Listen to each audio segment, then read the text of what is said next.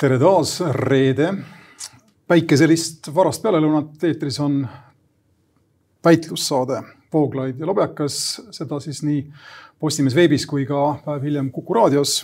mina olen Ahvo Lobjakas, tere Varro. tervist, tervist sulle ja kõigile teistele. ja ma ei tea, kuivõrd te olete jälginud eelreklaame, meil on saates täna plaanis rääkida kolmel teemal. kõik on põhimõtteliselt vältimatud, erineval moel, erineval või erinevas, ütleme siis intensiivsuses. loomulikult Ameerika Ühendriikide presidendivalimised, mis hetkel on noatera peal, on suur teema. protsess versus demokraatia versus rahva tahe ja palju siin neid huvitavaid nurki võib olla, ma ei oskagi üles lugeda.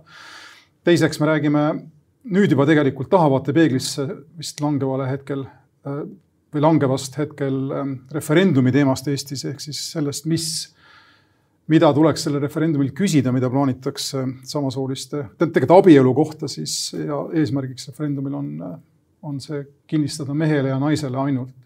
ning kolmandaks me räägime natukene ka koroonaviirusest ning äh, koroonaepideemiast, pandeemiast ning sellest, äh, mida võidakse või võida, mida ei võida ette võtta selles kontekstis. aga paneme siis kohe palli mängu esimese teema Ameerika Ühendriikide presidendivalimistega väga raske on siin midagi põhimõttelist öelda selles mõttes, et hetkel, kui me siin räägime, sajaprotsendilist kindlust ei ole, kuigi noh, minu instinktid ütlevad ja ma vaatan, et enamuse instinktid, kes neid asju kommenteerivad Ameerika Ühendriikides, ütlevad, et Donald Trump on kaotanud. saab olema väga napp kaotus, aga kõik trendid ja kõik dünaamika siis viies vist osariigis, kus on veel lõpuni lugemata need hääletussedelid, kõik need asjad, kõik need viitavad siis sellele, et Joe Biden võtab neist vajaliku arvu ehk vähemalt kaks või Pennsylvania. no ei ole mõtet siin täpselt sellesse matemaatikasse minna, aga, ja need vahe, vahed on siin, võivad noh, olla vähem kui kümme tuhat häält siin ühes või teises osariigis ja see on muidugi huvitav ja ja iseenesest selline noh, ärevust tekitav märk, aga samas tuleb muidugi meeles pidada ja sellega ma ehk alustaksingi, et selle asja taustaks on ju ikkagi fakt, et Ameerika Ühendriigid kui, et noh, lõhestunud või nii lähestikku on need kandidaadid ainult mõne, ainult mõnes osariigis. lõhestunud ei ole, äh, ma ei tea, California või, või siin noh, kohad, kus näiteks Trump võtab enamuse või Biden võttis enamuse. lõhestunud on paar suhteliselt väikest osariiki ja see mulje sellest, et Ameerika Ühendriigid ise on keskelt lõhki, on teatud mõttes õige, aga ka ma arvan, teatud mõttes liialdatud, sest et äh, see lõhkiminek äh, on vaadeldav sellistel demokraati-, demograafilistel telgedel nagu rikkus versus vaesus, haritus versus hariduse puudumine, vanadus versus mittevanadus ja ma ei tea, valgeolek versus mittevalgeolek, mis ka pärinevad sellest, ütleme noh, juba varasemast ajastust, mis nüüd hakkab nagu ajalooks saama ehk siis ajastust, kus näiteks töötasid selgelt äh, sotsioloogilised küsitlused, mida nad enam ei tee, sest et olud on muutunud ja seda, sellest võib rääkida. aga ma tahaksingi öelda, et see Ameerika Ühendriikide kaheks jaguneminegi ei ole äh, võib-olla päris nii noh, drastiline või traagiline, nagu ta võib läbi vanade prillide tunduda no ja, no esiteks tõepoolest on huvitav, et me eelmise saate lõpetasime selle tõdemusega, et järgmises saates on parem sel teemal rääkida, kuna siis on juba presidendivalimiste tulemused teada. paraku seda rõõmu meile pole pakutud. endiselt on küsimus lahtine ja tegelikult võib jääda lahtiseks veel mõneks ajaks kui küsimus liigub ka ülemkohtusse, kus hakatakse vaagima seda, kas äh, osariikide tasandil vastu võetud otsused, muuhulgas siis selle kohta, et võib arvesse võtta ka pärast äh, tähtaega laekunud posti, posti teel laekunud hääletussedeleid, on konstitutsiooniga kooskõlas või mitte, eks, et siin paistab, et tuleb väga tõsine vaidlus, sellepärast et küsimus on ju reaalselt vägagi tõsine et mind on ausalt öeldes nende valimiste kontekstis pannud üleüldse mõtlema see, et kui Ameerika Ühendriike on pidevalt kujutatud ja nad on iseennast kujutanud sellise demokraatia kantsina või sellise tõelise demokraatia eeskujuna, siis me praegu näeme seda, et nad ei suuda isegi korralikult oma presidendivalimisi läbi viia sellisel viisil, et oleks välistatud väga tõsised kahtlused seonduvalt sellega, kas valimised on toimunud ausameelselt või mitte. noh Eesti kontekstiski me võiksime mõelda selle peale, et äh, kuulge, aga võtaks ka posti teel hääletamise kasutusele. nii et inimestele tuleb lihtsalt koju äh, mingisugune sedel, eks, kuhu nad saavad siis teha oma ristikese äh, enda poolt eelistatud lahtrisse, panna sinna allkirja ja saata see sedel tagasi. nii, ja siis need sedelid jõuavad kohale kasvõi valimispäeva õhtul, eks tuuakse kohale veel ehk teisisõnu, pole ka mitte mingisugust võimalust tegelikult kontrollida allkirjade autentsust ehk võrrelda neid nende allkirja näidistega, mis peaksid siis kuskil olema salvestatud, eks. kiirkorras on vaja kõik sedelid kokku lugeda, no sellises olukorras on täiesti ilmselge, et vähemalt on võimalik suhteliselt lihtsalt viia läbi üsna mastaapseid pettusi. ma ei ütle, kas seda on tehtud või ei ole, seda tulebki nüüd selgitada, sellepärast et need kahtlused on õhku paisatud. aga mida ma öelda tahan küll, on see, et selline posti teel hääletamine noh, meie riigis näiteks ju tunduks täiesti mõeldamatu no.. on ju nii, selles mõttes nõus, et keegi tuleks selle peale, et hakkame posti teel äkki nüüd hääletamist korraldama, kuidas on tagatud see, et kedagi ei ole mõjutatud, kellelegi ei ole. noh e-valimistega muidugi seesama probleem, eks. et istud seal oma selle ID-kaardiga arvuti taga ja keegi ütleb, et nüüd pane minu silme all see ristikene õigesse lahtrisse, siis ma annan sulle nii palju nii ja nii palju raha näiteks, eks, või mingit muud hüve, eks. aga noh, posti, selle posti teel hääletamisega on täpselt sama probleem, aga see on veelgi tõsisem probleem, sest sul ei ole isegi vaja seda ID-kaarti, millega verifitseerida isikusamasust, eks. nii et äh, kokkuvõttes, noh, siin saab rääkida paljust, aga võib-olla lihtsalt praegusel hetkel piisab sellest, et saab olema väga huvitav näha, et äh, kuidas need vaidlused siis ülemkohtus lahenevad. kui need asjad sinnamaani jõuavad, ma arvan, et kui peaks olema selge, et Biden saab rohkem kui minimaalselt vajaliku enamuse valimeeste kogus, siis Trumpi taga olevad inimesed langevad sealt vaikselt ära.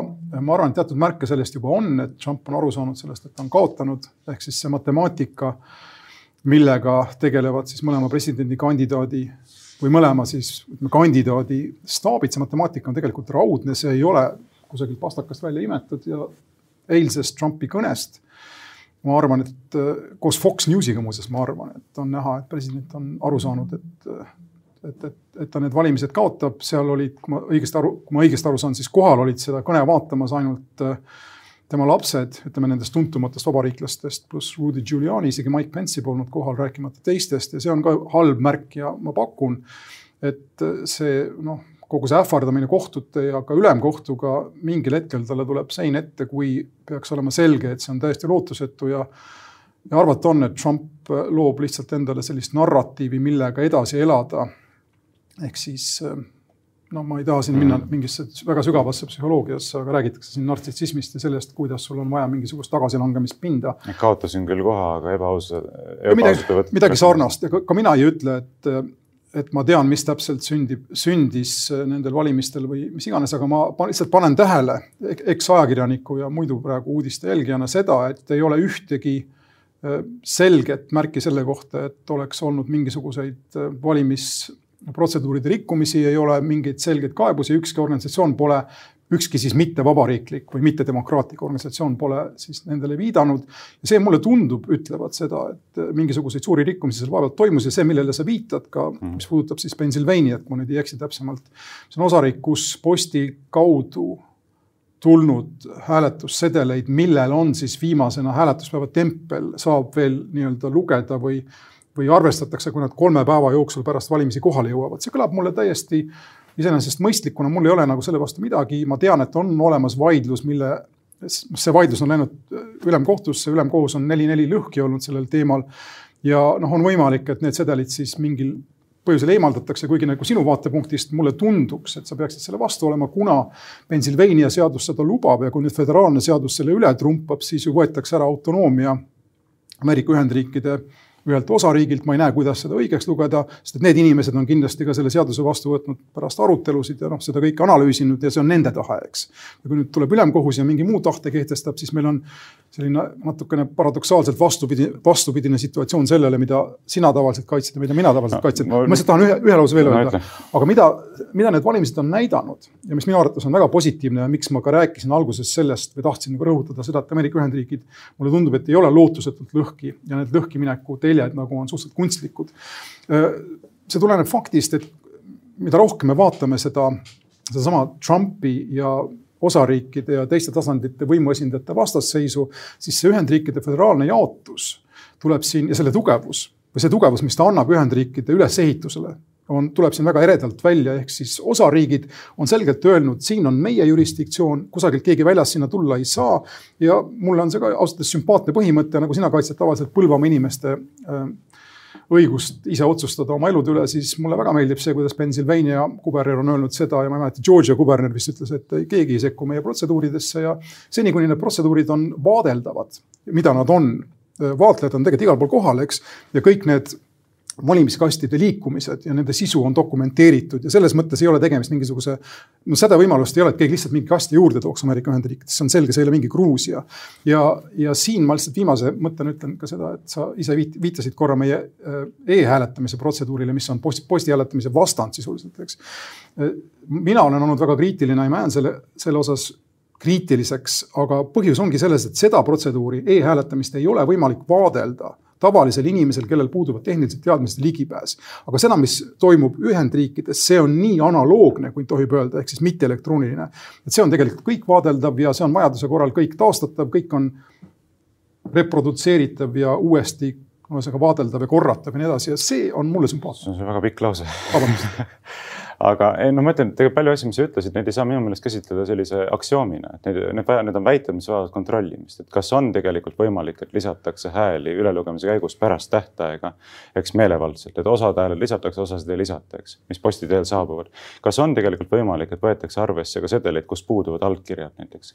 kas on võimalik, et võetakse arvesse sedeleid, kus puudub ka postimärk, postimark ja siis postitähis selle kuupäeva kohta, eks et äh, need on kõik hüpoteesid, mis vajavad kontrollimist, et väited on igasugused ja väga raske on praegusel hetkel öelda, et on nii või on naa, eks, aga fakt on see, et väited on esitatud ja need väited vajavad kontrollimist.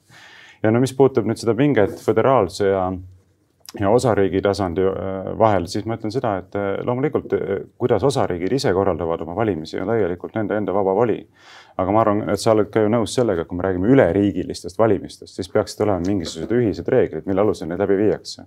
et ei saa olla nii, et ma ei tea, Riigikogu valimised on meil, aga Põlvamaal viiakse neid läbi ühtemoodi, Tallinnas viiakse läbi teistmoodi, Pärnus viiakse kolmandat moodi ja siis ka öeldakse, et kuulge, et te ei saa painutada valimisreegleid niimoodi maakondlikul tasandil.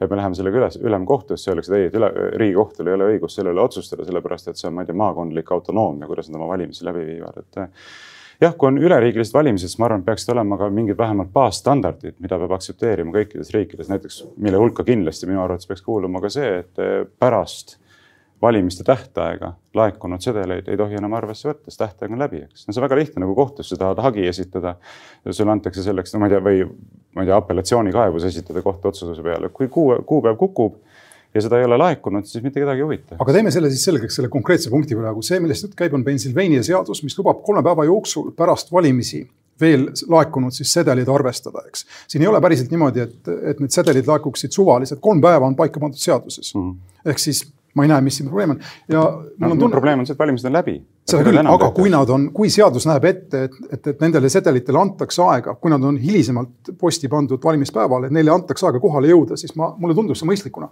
aga okay,. no see on vaidluskoht. ja, aga ma tahan ühe asja, ühe, ühele asjale tähelepanu osutada ja äh, siin on üks, üks, üks harv kord, kus ma tunnen, et mul on mingisugune kompetents meie pealt rääkida või no ühesõnaga, et ma räägin nagu faktiliselt. vaata, sa ütled, et tegemist on üleriigiliste valimistega, oluline on minu arvates rõhutada ja teada seda, meeles pidada seda, et Ameerika Ühendriikides, osariikides valitakse valijamehi, mitte presidenti.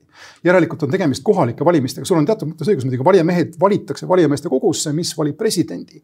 aga valitakse tehniliselt ikkagi valijamehi ja see on iga osariigi enda otsus, kuidas need valijamehed valida. ja seetõttu pole ka üldiseid reegleid, eks mõne, mõne, mõnes osariigis valit-, antakse kõik valijamehed äh, enam hääli saanud kandidaadile, mõnes osariigis riigis jagatakse valijamehed ära, selles mõttes minu arvates ei ole, ma ei tunne muidugi Ühendriikide põhiseadust ega, ega, ka pretsedente, aga mulle tunduks, et tänastes oludes, kus need osariigiti need praktikad väga erinevad, oleks võimalik öelda, et ei, meil on presidendivalimised ja kõik teevad asju samamoodi. ma ei näe, kuidas see saaks toimida no mul ei ole siin ka nagu erilist põhjust sellega, sel teemal vaidlema hakata, eks ta Ameerika Ühendriikide siseasi see lõppude lõpuks on, ma usun, et seal on piisavalt inimesi kohapeal, kes seisavad selle eest, et nende huvid saaksid maksimaalselt kaitstud, eks seda nad kindlasti oskavad. see on avatud ühiskond ikka. ja, saab näha, mis sellest asjast välja tuleb, aga noh, mida ma omalt poolt lihtsalt üle kordaksin, on ikkagi see, et, et äh, olukord, kus ma vaatasin täna hommikul sada nelikümmend kolm miljonit häält vist on registreeritud, umbes midagi sellist, see muutub, eks kogu aeg nad lisavad sinna juurde praegu. ülelugemise käigus äh, arvatakse, kokku tuleb üle saja viiekümne miljoni. Nendest kuuskümmend neli miljonit praeguseks hetkeks on antud kirja teel, posti teel, nii et see on ikkagi väga-väga suur hulk ka protsentuaalselt nendest kõikidest, kõikidest häältest, nii et eh, kui siin posti teel hääletamisega mingisugused probleemid ikkagi ilmnevad, siis see ei ole mingi marginaalne küsimus, eks, siis me räägime ikkagi väga suurest hulgast, millega võivad olla potentsiaalselt seotud väga suured probleemid. ja ma ütlen veelkord, et ma ei tea, kas see nii on, aga saab näha. ja kui need probleemid ilmnevad ja, ja kui ilmneb, et tegelikult tõepoolest on püütud valimispettust ellu viia siis ma ei oleks sugugi nii kindel selles sinu hinnangus, et Ameerika Ühendriikides need pinged nii suured ei ole, nagu näidatakse. ma kardan, et siis need pinged võivad minna niivõrd suureks et tegelikult välistatud ei ole ka igasugused vägivaldsed kokkupõrked, no mida tegelikult kardeti juba ju valimiste eel, et selleks puhuks, kui armastus ja rahupartei peaks juhuslikult kaotama, pandi ju Washingtonis ja New Yorgis igal pool need esimeste korruste aknad kõik puuplaatidega kinni, et muidu läheb ilgeks märatsemiseks nagu BLM-i nendel nii, niinimetatud meeleavaldustel nägime, eks. aga samas ju, kui sa, mina vähemalt ei ole tähele pannud, et Biden oleks kordagi öelnud, et tema toetajad võiksid tänavatele tulla, küll aga on Trump ähvardanud vägivallaga tänavatel, kui tema kaotab. Ma ei näe, et siin oleks võimalik sisse tuua BLM ma tulen korra veel nende posti häälte juurde tagasi. see on lihtsalt fakt, et BLM äratas ja lõhkus väga kõvasti. ja, aga ma arvan, et seekord kardetakse teistpidi, eks, sest et kui üldse mingit vägivalla, sihukest isegi noh, ähmast vägivalla võimalust äh, keegi kusagil nägi, siis olid need pigem Trumpi toetajad, kes tulid välja relvade ja enda pickup truck idega piirasid sisse mingisuguse kampaaniabussi ja nii edasi. aga no põhimõtteliselt see kõik on hetkel. no üks on võimalus, teine on fakt lihtsalt. aga ütleme niimoodi, et. demokraatide Trumpi... toetajad reaalselt on märatsenud ja lõhkunud kõvasti. ja, aga ütleme niimoodi, et kui keegi relvadega välja tuleb, välja tuleb, siis ei ole see mingisugune no ütleme, Philadelphia linnaelanik, vaid tegemist on ikkagi, vabandust, maainimesega, kellel on see harjumus ja noh, eluviis teistsugune, eks okay.. no maainimesed on alati olnud põhimõttekindlamad. jah, aga no sinna ma ei taha ka minna, see on see maa ja linna vahe muidugi on üks, üks koht, kus USA on lõhki, aga, aga kes ei oleks, mis riik ei oleks tänapäeval selles mõttes lõhki. aga ma tulen korra tagasi selle posti teema juurde.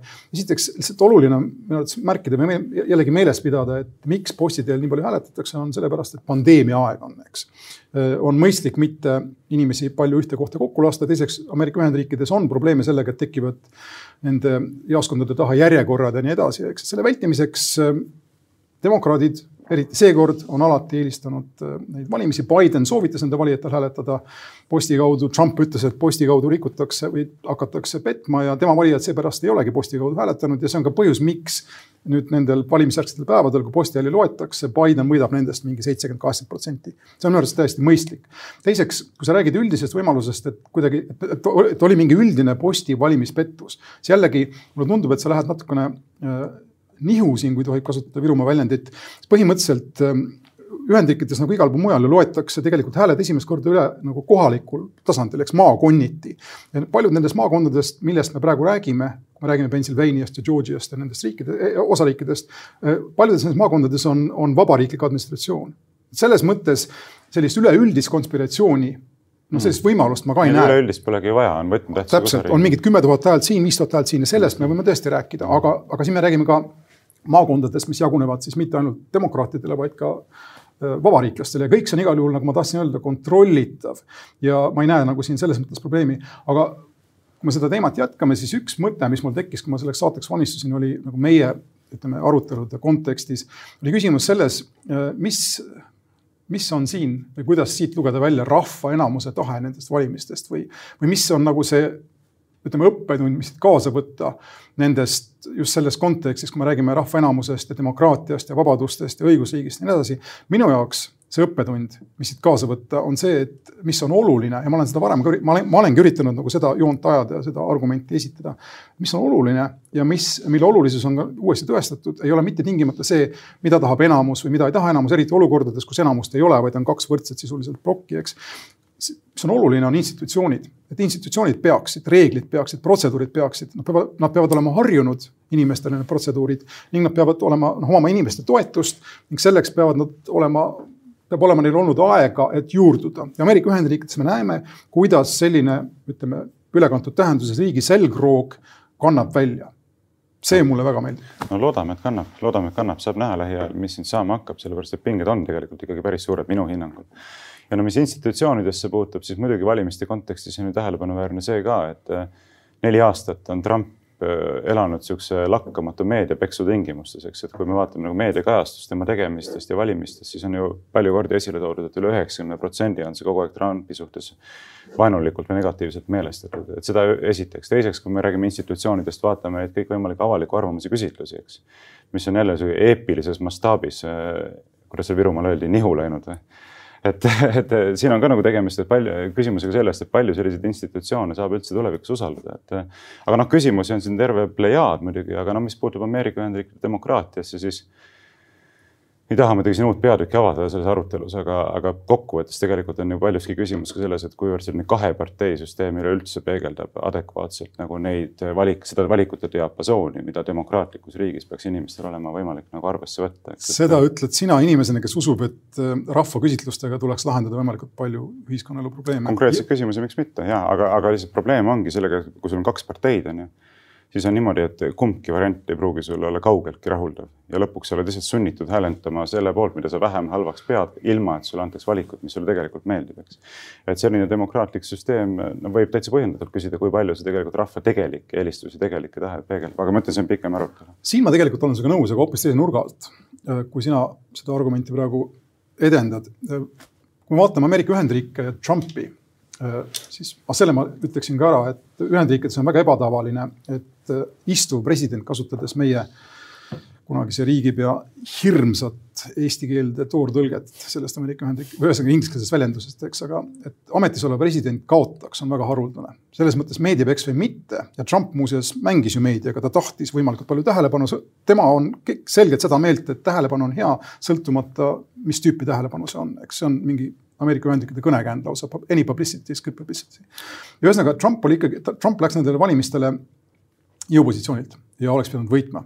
ta kaotas need, aga no,. see veel selgub muidugi. õige, aga mida ma tahtsin öelda selle kahe partei süsteemi kohta, kus ma olen sinuga nõus, et äh, tal on suur probleem, on sellises jah, meie nüüd ütleme ajastul, kus need vanad jõujooned, need demograafilised ütleme, ennustatavused ja need enam ei kehti, kõik muutub üha nagu liikuvamaks ja dünaamilisemaks. sellistes oludes, kus on kaks parteid, siis Trump näitab, et puhtalt võimu pärast, mitte isegi ratsionaalse argumendi baasil, on juhil palju suuremad võimalused see partei või see struktuur endale anastada.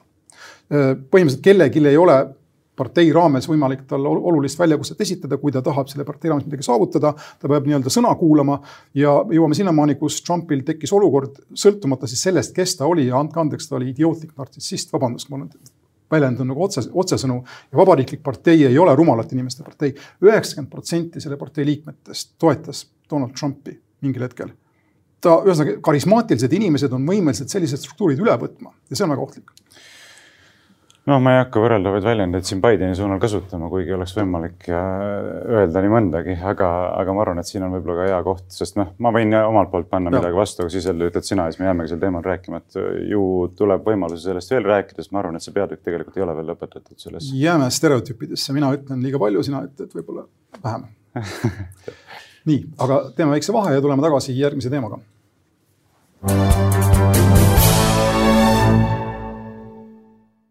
ja järgmise, järgmine teema teeb äh, siis saja kaheksakümne kraadise pöörde, kannapöörde, toob meid tagasi Eestisse. teatud mõttes, nagu ma ütlesin, ta on meil hetkel vähemalt tahavaatepeeglis, ma ei ole Eesti uudiseid, ma ütlen ausalt, ma ei jälgi iga päev, aga ma ei ole ka kogemata autoraadiostki kuulnud, et ta nüüd ülal oleks viimased paar päeva. aga fakt on see, et ta tuleb tagasi, tegemist on siis küsimusega, mis on juba otsustatud, kas kakskümmend kuus aprill, kui ma ei eksi, tuleb meil siis referendum järgmine aasta midagi sarnast. no otsustatud on siis, kui on Riigikogus vastav otsus vastu võetud. no okei okay,, aga põhimõtteliselt koalitsioon on otsustanud ja meilgi on selline riik ja süsteem, kus, kui valitsus midagi tahab, siis see juhtub.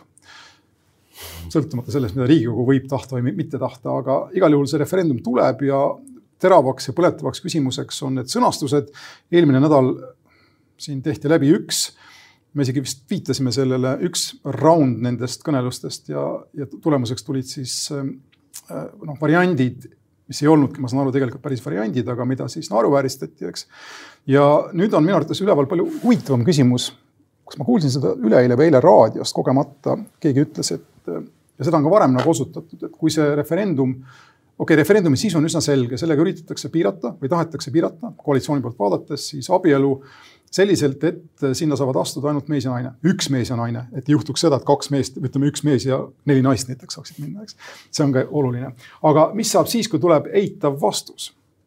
Mis järeldused peab tegema sellest valitsus, võim, Riigikogu, riik ja nii edasi. ja see on üsna huvitav küsimus ja ma tegelikult tahaksingi sult küsida võib-olla, et kui sa ütleksid mulle paari lausega, mida sina kujutad ette mis, mis peaks juhtuma siis, kui see referendum läheb teistpidi sinu poolt vaadates, ehk siis rahvas, ükskõik kui palju või vähe neid on, otsustab, et ei ole ainult mees ja naine. Ja ma vastan küll sellele küsimusele, aga esiteks nende avalikkuse ette toodud variantide kohta, et tegelikult seda oli ka üsna piinlik vaadata, kuidas see ilkumine lahti läks, sellepärast et esiteks need ei olnud mingisugused EKRE poolt pakutud variandid. Lõplikul, need olid mingisugused variandid, mille Korobeinik lekitas avalikkuse ette, need tööversioonid. ma, mina näiteks ei tea, kustkohast need tulid. Äh, seda esiteks ja teiseks äh, ka see kriitika, mida tehti, eks nagu oleks tegemist mingisuguse riiklikul tasemel korraldatava viktoriiniga, on selles mõttes väga tendentslik, et kõik mõtlevad inimesed saavad aru, et neid küsimusi on võimalik tõlgendada nii deskriptiivsena kui ka normatiivsena, eks. et mitte ainult selles mõttes, et kas nii on, vaid võib tõlgendada ka nii, kas nii peaks olema, eks sellest samast sõnastusest, aga ma olen nõus, et see sõnastus ei olnud hea. et parem on, et kas peaks äh, tunnustama, mitte kas tunnustatakse abielu on üksnes mehe ja naise vahelist liitu.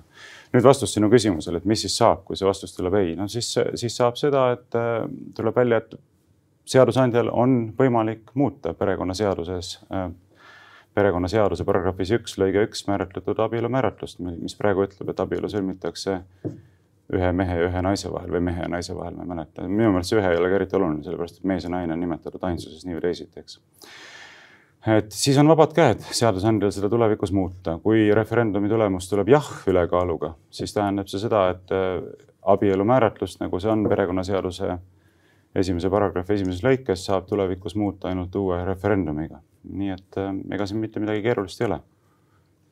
aga mis on sinu küsimuse tagamõte, seda ma muidugi aiman. ei, mul ei olegi olulist tagasi, tagamõtet, ma, sina oled selle asjaga, ma kujutan ette, lähemalt tegev kui mina ja, ja ma lihtsalt ma ei tea, mis selle asja, ühesõnaga, mis on nagu teie leeri mõtlemine või? ei no nii lihtne ongi. minu, minu meelest mingit saladust siin ei ole. ma lihtsalt mõtlesin, su tagamõte võib olla see, et, et kas ei vastuse ülekaalu puhul ei peaks see tähendama, et ongi nii, niinimetatud sama, sama, samast soost isikute vaheline abielu seadustatud. sinna ma tahtsingi jõuda, et ja. kas ta ei tähenda kohustust ikkagi riigi äh, siis võimukandjatele no,? sellisel juhul tuleks sõnastada küsimus oluliselt teisiti, et kas tuleks abielu määratlust muuta sellisel viisil, et see hõlmaks ka samast soost isikute vahelisi suhteid, eks. et, et siis tuleks küsida konkreetselt seda küsimust. Te aga... peate siis küsima täpselt sellise küsimuse, mis ei tooks endaga kaasa nihu minemisel kohustust äh, kohe legaliseerida gei abielu, jah? No, see, see, see on teie suur väljakutse siis? see ei ole väga suur väljakutse, sellepärast et kui küsimus õigesti sõnastada, siis mina olen pakkunud sellist sõnastust, et kas abieluna peaks Eesti Vabariigis tunnustama üksnes mehe ja naise vahelist liitu, nii kui on jah, siis see on siduv kõigile riigiorganitele, kui on ei, siis see tähendab seda, et parlament võib seda määratlust muuta, aga seni kehtib see määratlus edasi, kuni seda ei ole muudetud, sest see on perekonnaseaduse okay. paragrahvis üks lõige üks sellisel viisil kirjas, eks.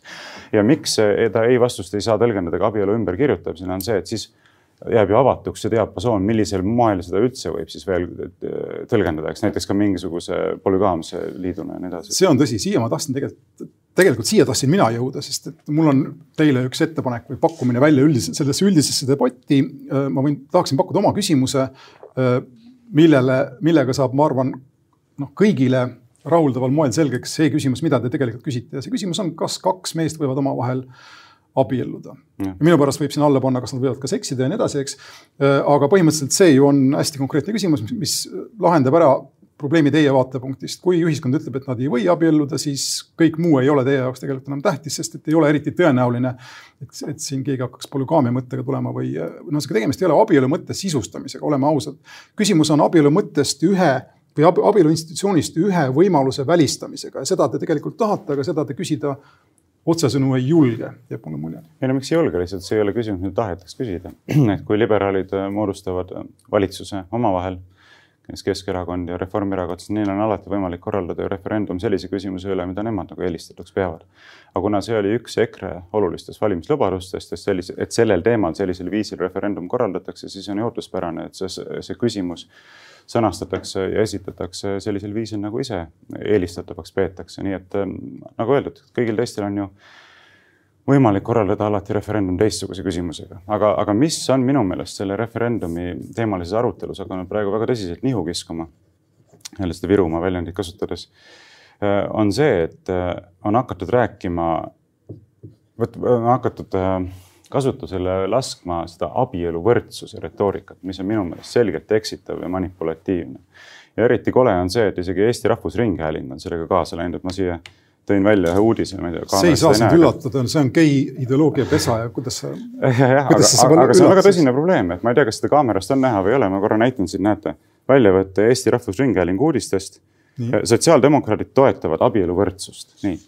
abieluvõrdsus, see retoorika on väga tugevalt ideoloogiliselt laetud, propagandistlik ja suunav, sellepärast et kõikidel Eestis, kõikidel inimestel Eestis on juba praegu võrdne õigus abielluda sinul on võrdne õigus abielluda, minul on võrdne õigus abielluda, eeldus, et inimesed on täisealised, teovõimelised ja juba ei ole abielus on kõigil võrdne õigus abielluda. nii et see retoorika selgelt eksitab. küsimus on selles, mida abielu silmas peetakse ja see on see, mille üle me peaksime arutelu pidama mm.. kui ka isegi Rahvusringhääling hakkab sellist propagandistlikku sõnavara kasutama, siis minu meelest jälle järjekordselt rikutakse Rahvusringhäälingu seadust. aga ma arvan, et siin sa lähed kas meelega või kogemata rappa. ei lähe üldse rappa. see ei ole nüüd Virumaa väljend, aga lihtsalt ma toon ühe paralleeli, ma ei oska nagu, ma tahan, ma üritan isegi enda jaoks et mõista paremini, ma üritan mm. näitlikustada seda probleemi.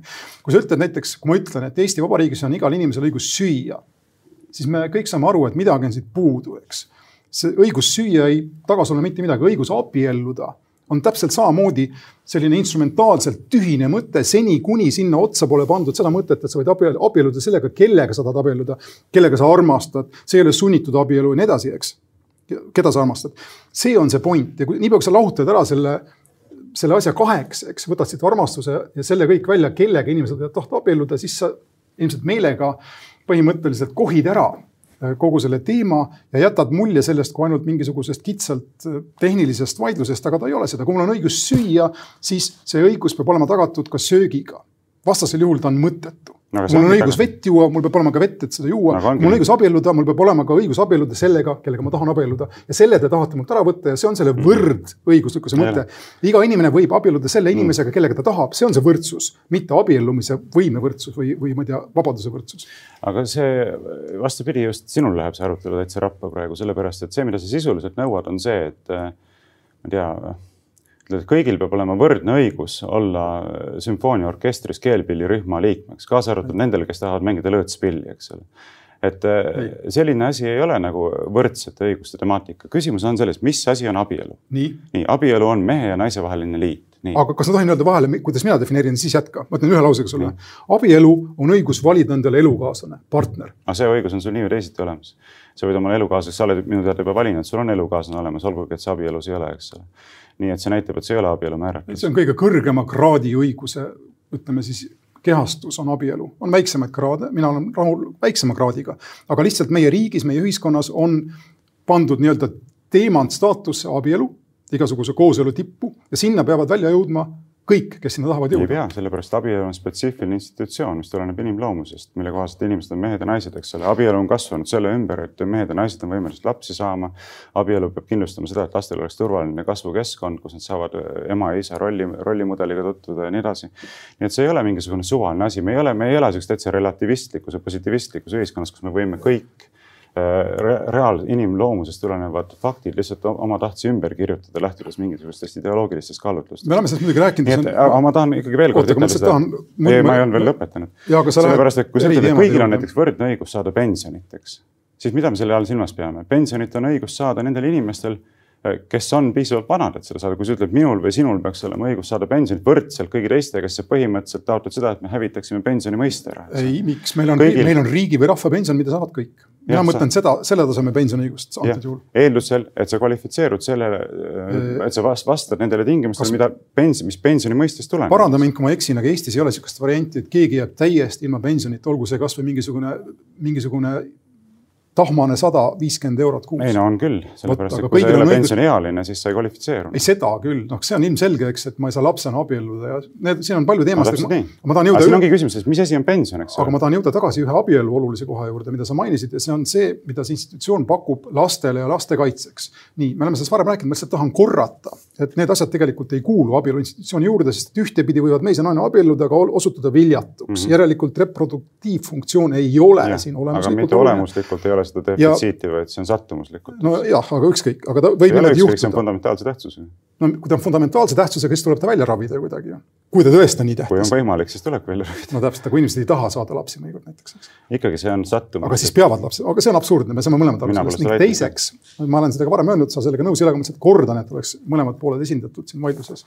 Äh, perekonna institutsiooni saavad paremini pakkuda kaks meest või kaks naist, kes on abielus, kui üksikema või üksikisa, anna andeks mulle ei ole, ma ei ole sellega absoluutselt nõus, sellepärast et äh, see ei ole ideaal, mille poole me peaksime ühiskonnana liikuma.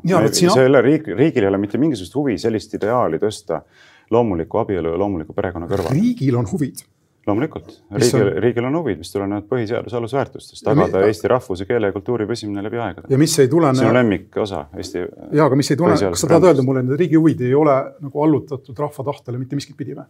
on ikka, rahval on õigus ka põhiseadust muuta, kui ta soovib. nii, äh, ma tahaksin korra jõuda siin ühele, ühele, ühele teemale, mis on nagu tangentsiaalselt seotud, mitte päris nüüd ainult see geiabielu teema, aga, aga mul on raske aru saada konservatiividest või inimestest, kes nimetavad ennast konservatiivideks, kes usuvad teistpidi, et rahvas peab kõigele otsustama just ja seda just referendumi vormis.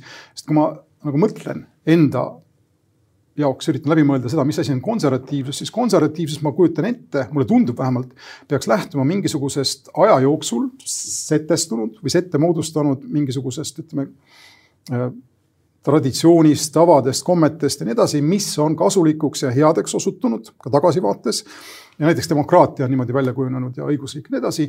ja seda, seda institutsiooni või nende institutsioonide kogumit hoitakse sellepärast elus, et nendest on saanud väärtus, nad on midagi head läbi ajaloo kogunenud, kasvanud, kerkinud midagi head. niipea kui sa paned midagi referendumile, on see kõik ju jäetud juhuse hooleks, sisuliselt selle hooleks, kas üks pool suudab veenda teist poolt või ütleme rohkem inimesi kui teine pool. ja niipea, kui sa näiteks ütled, et on võimalik sellesama gei abielu puhul ju see, see variant, et öeldakse ei, siis kogu sinu konservatiivne pagas lendab aknast välja selle otsusega, eks. mulle tundub see kuidagi noh, pehmelt öeldes raiskav lähenemine oma traditsioonile ja sellele kogemuste pagasile, mida sa ju esindad, eks no me oleme sel teemal rääkinud, see on pikem aruteluks, aga mina olen lihtsalt väga lühidalt öeldes mõtlen, see on demokraatia on vaidluste lahendamise mehhanism. ma ei ütle, et see otsus, mis sünnib demokraatliku protsessi tulemusel, on õige otsus, aga see on otsus, mis vähemalt viib meid olukorda, kus meil on lihtsam leppida ka sellise tagajärjega, mida me ei pea õigeks, eks. meil on pandud paika protseduur, seda protseduuri on järgitud. see protseduur viis lahenduseni, mida me peame valeks, aga ometi me lepime sellega sellepärast, et see ei ole lihtsalt meile jõuga kuidagi peale surutud, vaid see on tulnud selle protseduuri kohaselt, eks. et see on lihtsalt vaidluste lahendamise mehhanism selleks, et me ei läheks sõtta, et me ei läheks teineteisele kallale, eks ole, me ei hakkaks nagu tülitsema. kuidagi peab olema võimalik vaidlust lahendada. aga kuna see teema püstitus konkreetsemalt pidi seonduma just selle referendumi küsimuse sõnastusega, siis ma mainin omalt poolt veel seda, et mina pean hästi oluliseks, et see sõnastus kahtlemata kätkeks kahte aspekti, mitte ainult seda, mida saab Eestis abieluna sõlmida, vaid ka seda, mida Eestis üleüldse abieluna silmas peetakse ja sellepärast on väga oluline, et see küsimus puudutaks ka olukorda, kus me räägime välismaal sõlmitud samast soost isikute vahelistest liitudest ja sellest, kas need on Eesti õigusruumis kehtivate abieludena, abieludena tunnustatud või mitte. ja mis huvitav on selle juures see, et eh, ühelt poolt perekonnaseadus ütleb esimeses paragrahvis seda, et praegu juba kehtib see, et Eestis saab sõlmida abielu üksnes mehe ja naise vahel. ja ütleb ka seda, et samast soost isikute vahel sõlmitud abielu on õigustühine, paragrahv kümme, eks. Ja, ja veel huvitavam on see, et rahvusvahelise eraõiguse seadus ütleb ka seda, et äh, tehingud, mis on vastuolus avaliku korraga, on Eestis õigustühised, et äh, välismaal sõlmitud, eks ole, tehingud äh, või toime pandud tehingud või noh, muuhulgas siis lepingud. Ja kui me vaatame seda seaduse seletuskirja, siis see toob ühe näitena sellistest tehingutest samast soost isikute vahel sõlmitud abielu välismaal, et seda ei peaks Eestis tunnustama kehtiva abieluna.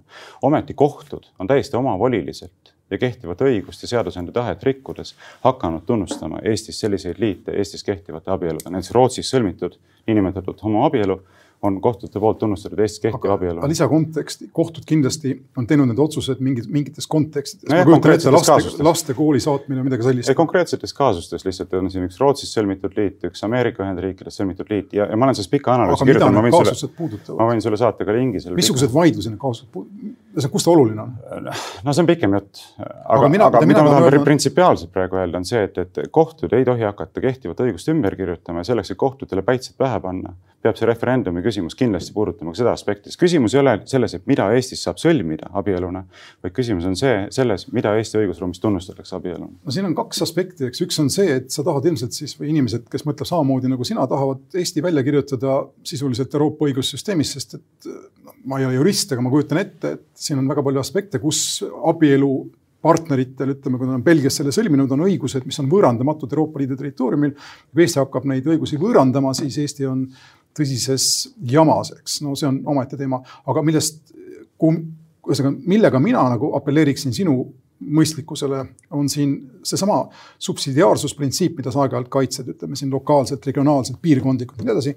mulle tundub, et kõik need ma võin eksida, aga need kohtuasjad ei ole põhimõttelised. kohtusse ei ole mindud ju selle eesmärgiga, Rootsist tulnud paar ei ole läinud kohtusse selle eesmärgiga, et, et Eesti riik tunnustaks nende abielu, ma ei tea, mingil seaduslikul tasandil. küsimus on tavaliselt midagi, milleski praktilises. mina ei saa aru, miks noh, tegelikult ma saan aru, miks sa seda lubada ei saa, aga ma ei saa aru, miks sa seda lubada ei saa, ütleme sellise mõistliku inimesena. et näiteks koolid otsustavad ise, kas nad tunnustavad kedagi perekonnana või mitte, teatud nagu ulatuses muidugi, eks. koolidele ei saa anda absoluutset vabadust otsustada, kes on abielus ja kes ei ole. aga ühesõnaga oludes, kus abielus olemine on oluline, miks mitte lasta kohalikel omavalitsustel seadust selles mõttes eirata, nagu nad seda juba täna teevad, sest et sul on õigus, siin on kirjutatud sinna perekonnaseadusse paragrahv kümme, et samasooliste vahel sõlmitud abielu on õigus, on tühine. mis on absurdne minu arvates kogu see mõte, aga noh, selge on see, et elu on, elu on edasi läinud, nagu, nagu sa ise ütled, neid otsuseid tehakse vastupidi. seadust ei muudeta vastavalt sellele, kuidas kellelegi tundub, et elu on edasi läinud, seadust muudetakse Eesti Vabariigis parlamendi poolt selleks ette nähtud korras, sa ise oled institutsioonide suur eeskõneleja, eks seadusandja on parlament, parlament muudab seda seadust, siis on seadus muudetud. niimoodi ei ole, et elu on edasi läinud ja nüüd las kõik tõlgendavad oma soodu, nii nagu ise, ise tahavad seda asja. no sa elad Saksa õigusruumis, aga näiteks Suurbritannias tühistati mingi seitsmeteistkümnenda sajandi õigusakt, millega ilma ennustamine oli nõidusega võrdsustatud alles kolmkümmend aastat tagasi, aga ei tähendanud seda, et üheksa, kakskümmend sajand oleks, oleks, oleks neid kui nõidu põletajat, lihtsalt unustati ära see seadus. aga. ma tulen sulle appi kui saatejuhile ja pakun võimaluse minna kolmanda teema juurde. jah teeme siis väikse pausi, kaks minutit ja.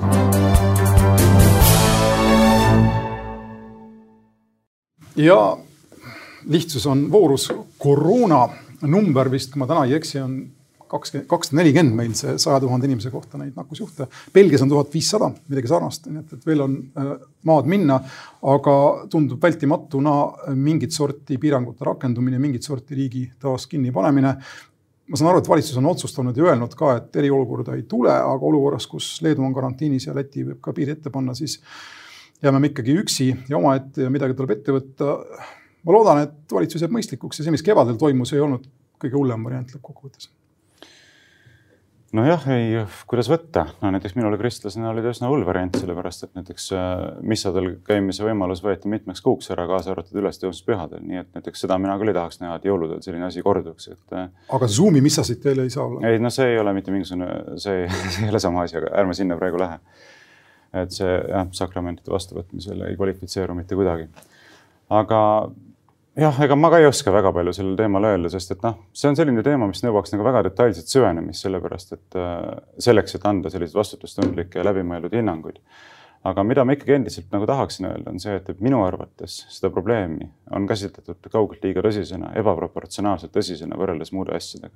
vist ennem saadet siin rääkisime, ma vaatasin järgi Statistikaametist, et kahe tuhande üheksateistkümnendal aastal Eestis suri kasvajate tõttu kolm tuhat üheksasada inimest.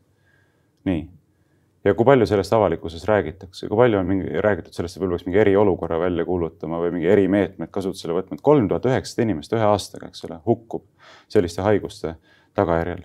Äh, koroonasse praegusel hetkel on öeldud, et on surnud vist, äh, mis oligi, seitsekümmend kolm inimest, kusjuures terviseameti esindajad ise on öelnud, et see ei ole tingimata kõik koroona tõttu surnud, need on inimesed, kes on surnud ja kellel on tuvastatud ka koroonaviirus. et kes see oli, Mari-Ann, Mari-Anne Ärma tunnistas näiteks äh, septembrikuus, et kuigi koroonaviiruse ametliku statistika järgi on Eestis see nõudnud kuuskümmend neli, kuuekümne nelja inimese elu, on ainult koroonaviirusest tingitud haigusesse surnud seitseteist inimest. nii et kogu see statistika on ka selline asi, noh, mida tuleb ikkagi vaadelda suurte reservatsioonidega, noh, rääkimata sellest, eks, et me teame, et tegemist on haigusega, mis näiteks minu ja sinu vanuseid ja veel nooremaid inimesi noh, praktiliselt äh, oluliselt ei ohusta, ütleme nii. mind juba ohustab, ma sain. no natukene, aga, aga ikkagi ütleme, kui sa haigestud koroonasse, sul on üheksakümmend üheksa protsenti tulla sellest nagu tavalise tervisega uuesti välja. ma ütlen ühe mõtte äh, see mõte on täna mul selline, et et kui me vaatame seda baasnumbrit nakatunute arvu saja tuhande kohta, siis see ei ole Eestis väga hea indikaator. ma võtaksin seda kui ütleme Belgia ja Saksa moodi, kui äh, haiglakohtade arv hakkab muutuma probleemiks, kui ähm, inimesed, kes on hingamisaparaatidel ja nii edasi, hakkavad muutuma probleemiks, siis see on see mõõt, mõõdik, mida ma rakendaksin. Mm., enne ma seda mõõdikut rakendaks, millegipärast Eestis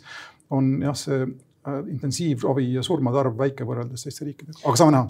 Noh, minupoolne soovitus oleks see, et keskenduda riskigruppidele, keskenduda vanematele inimestele, keskenduda vanadekodudele ja vajadusel isoleerida neid inimesi, ega mitte minna niisuguste lausmeetmete. ühesõnaga vanad vangi, aga. no mitte vangi, mitte vangi, eks, ega lõppude lõpuks keegi ei rakenda vägivalda, ütleb lihtsalt, see on meie soovitus kaitsta ennast, aga ülejäänud populatsioonil ei ole ju suurt. Saksamaal seekord ei pandud vanadekodusid kinni, aga selle mõttega, positiivse mõttega lõpetame tänase Vooglaid versus Lobjakas vestlusväitlussaate. täname kuulamast ja oleme tagasi järgmisel reedel. kohtumiseni. Música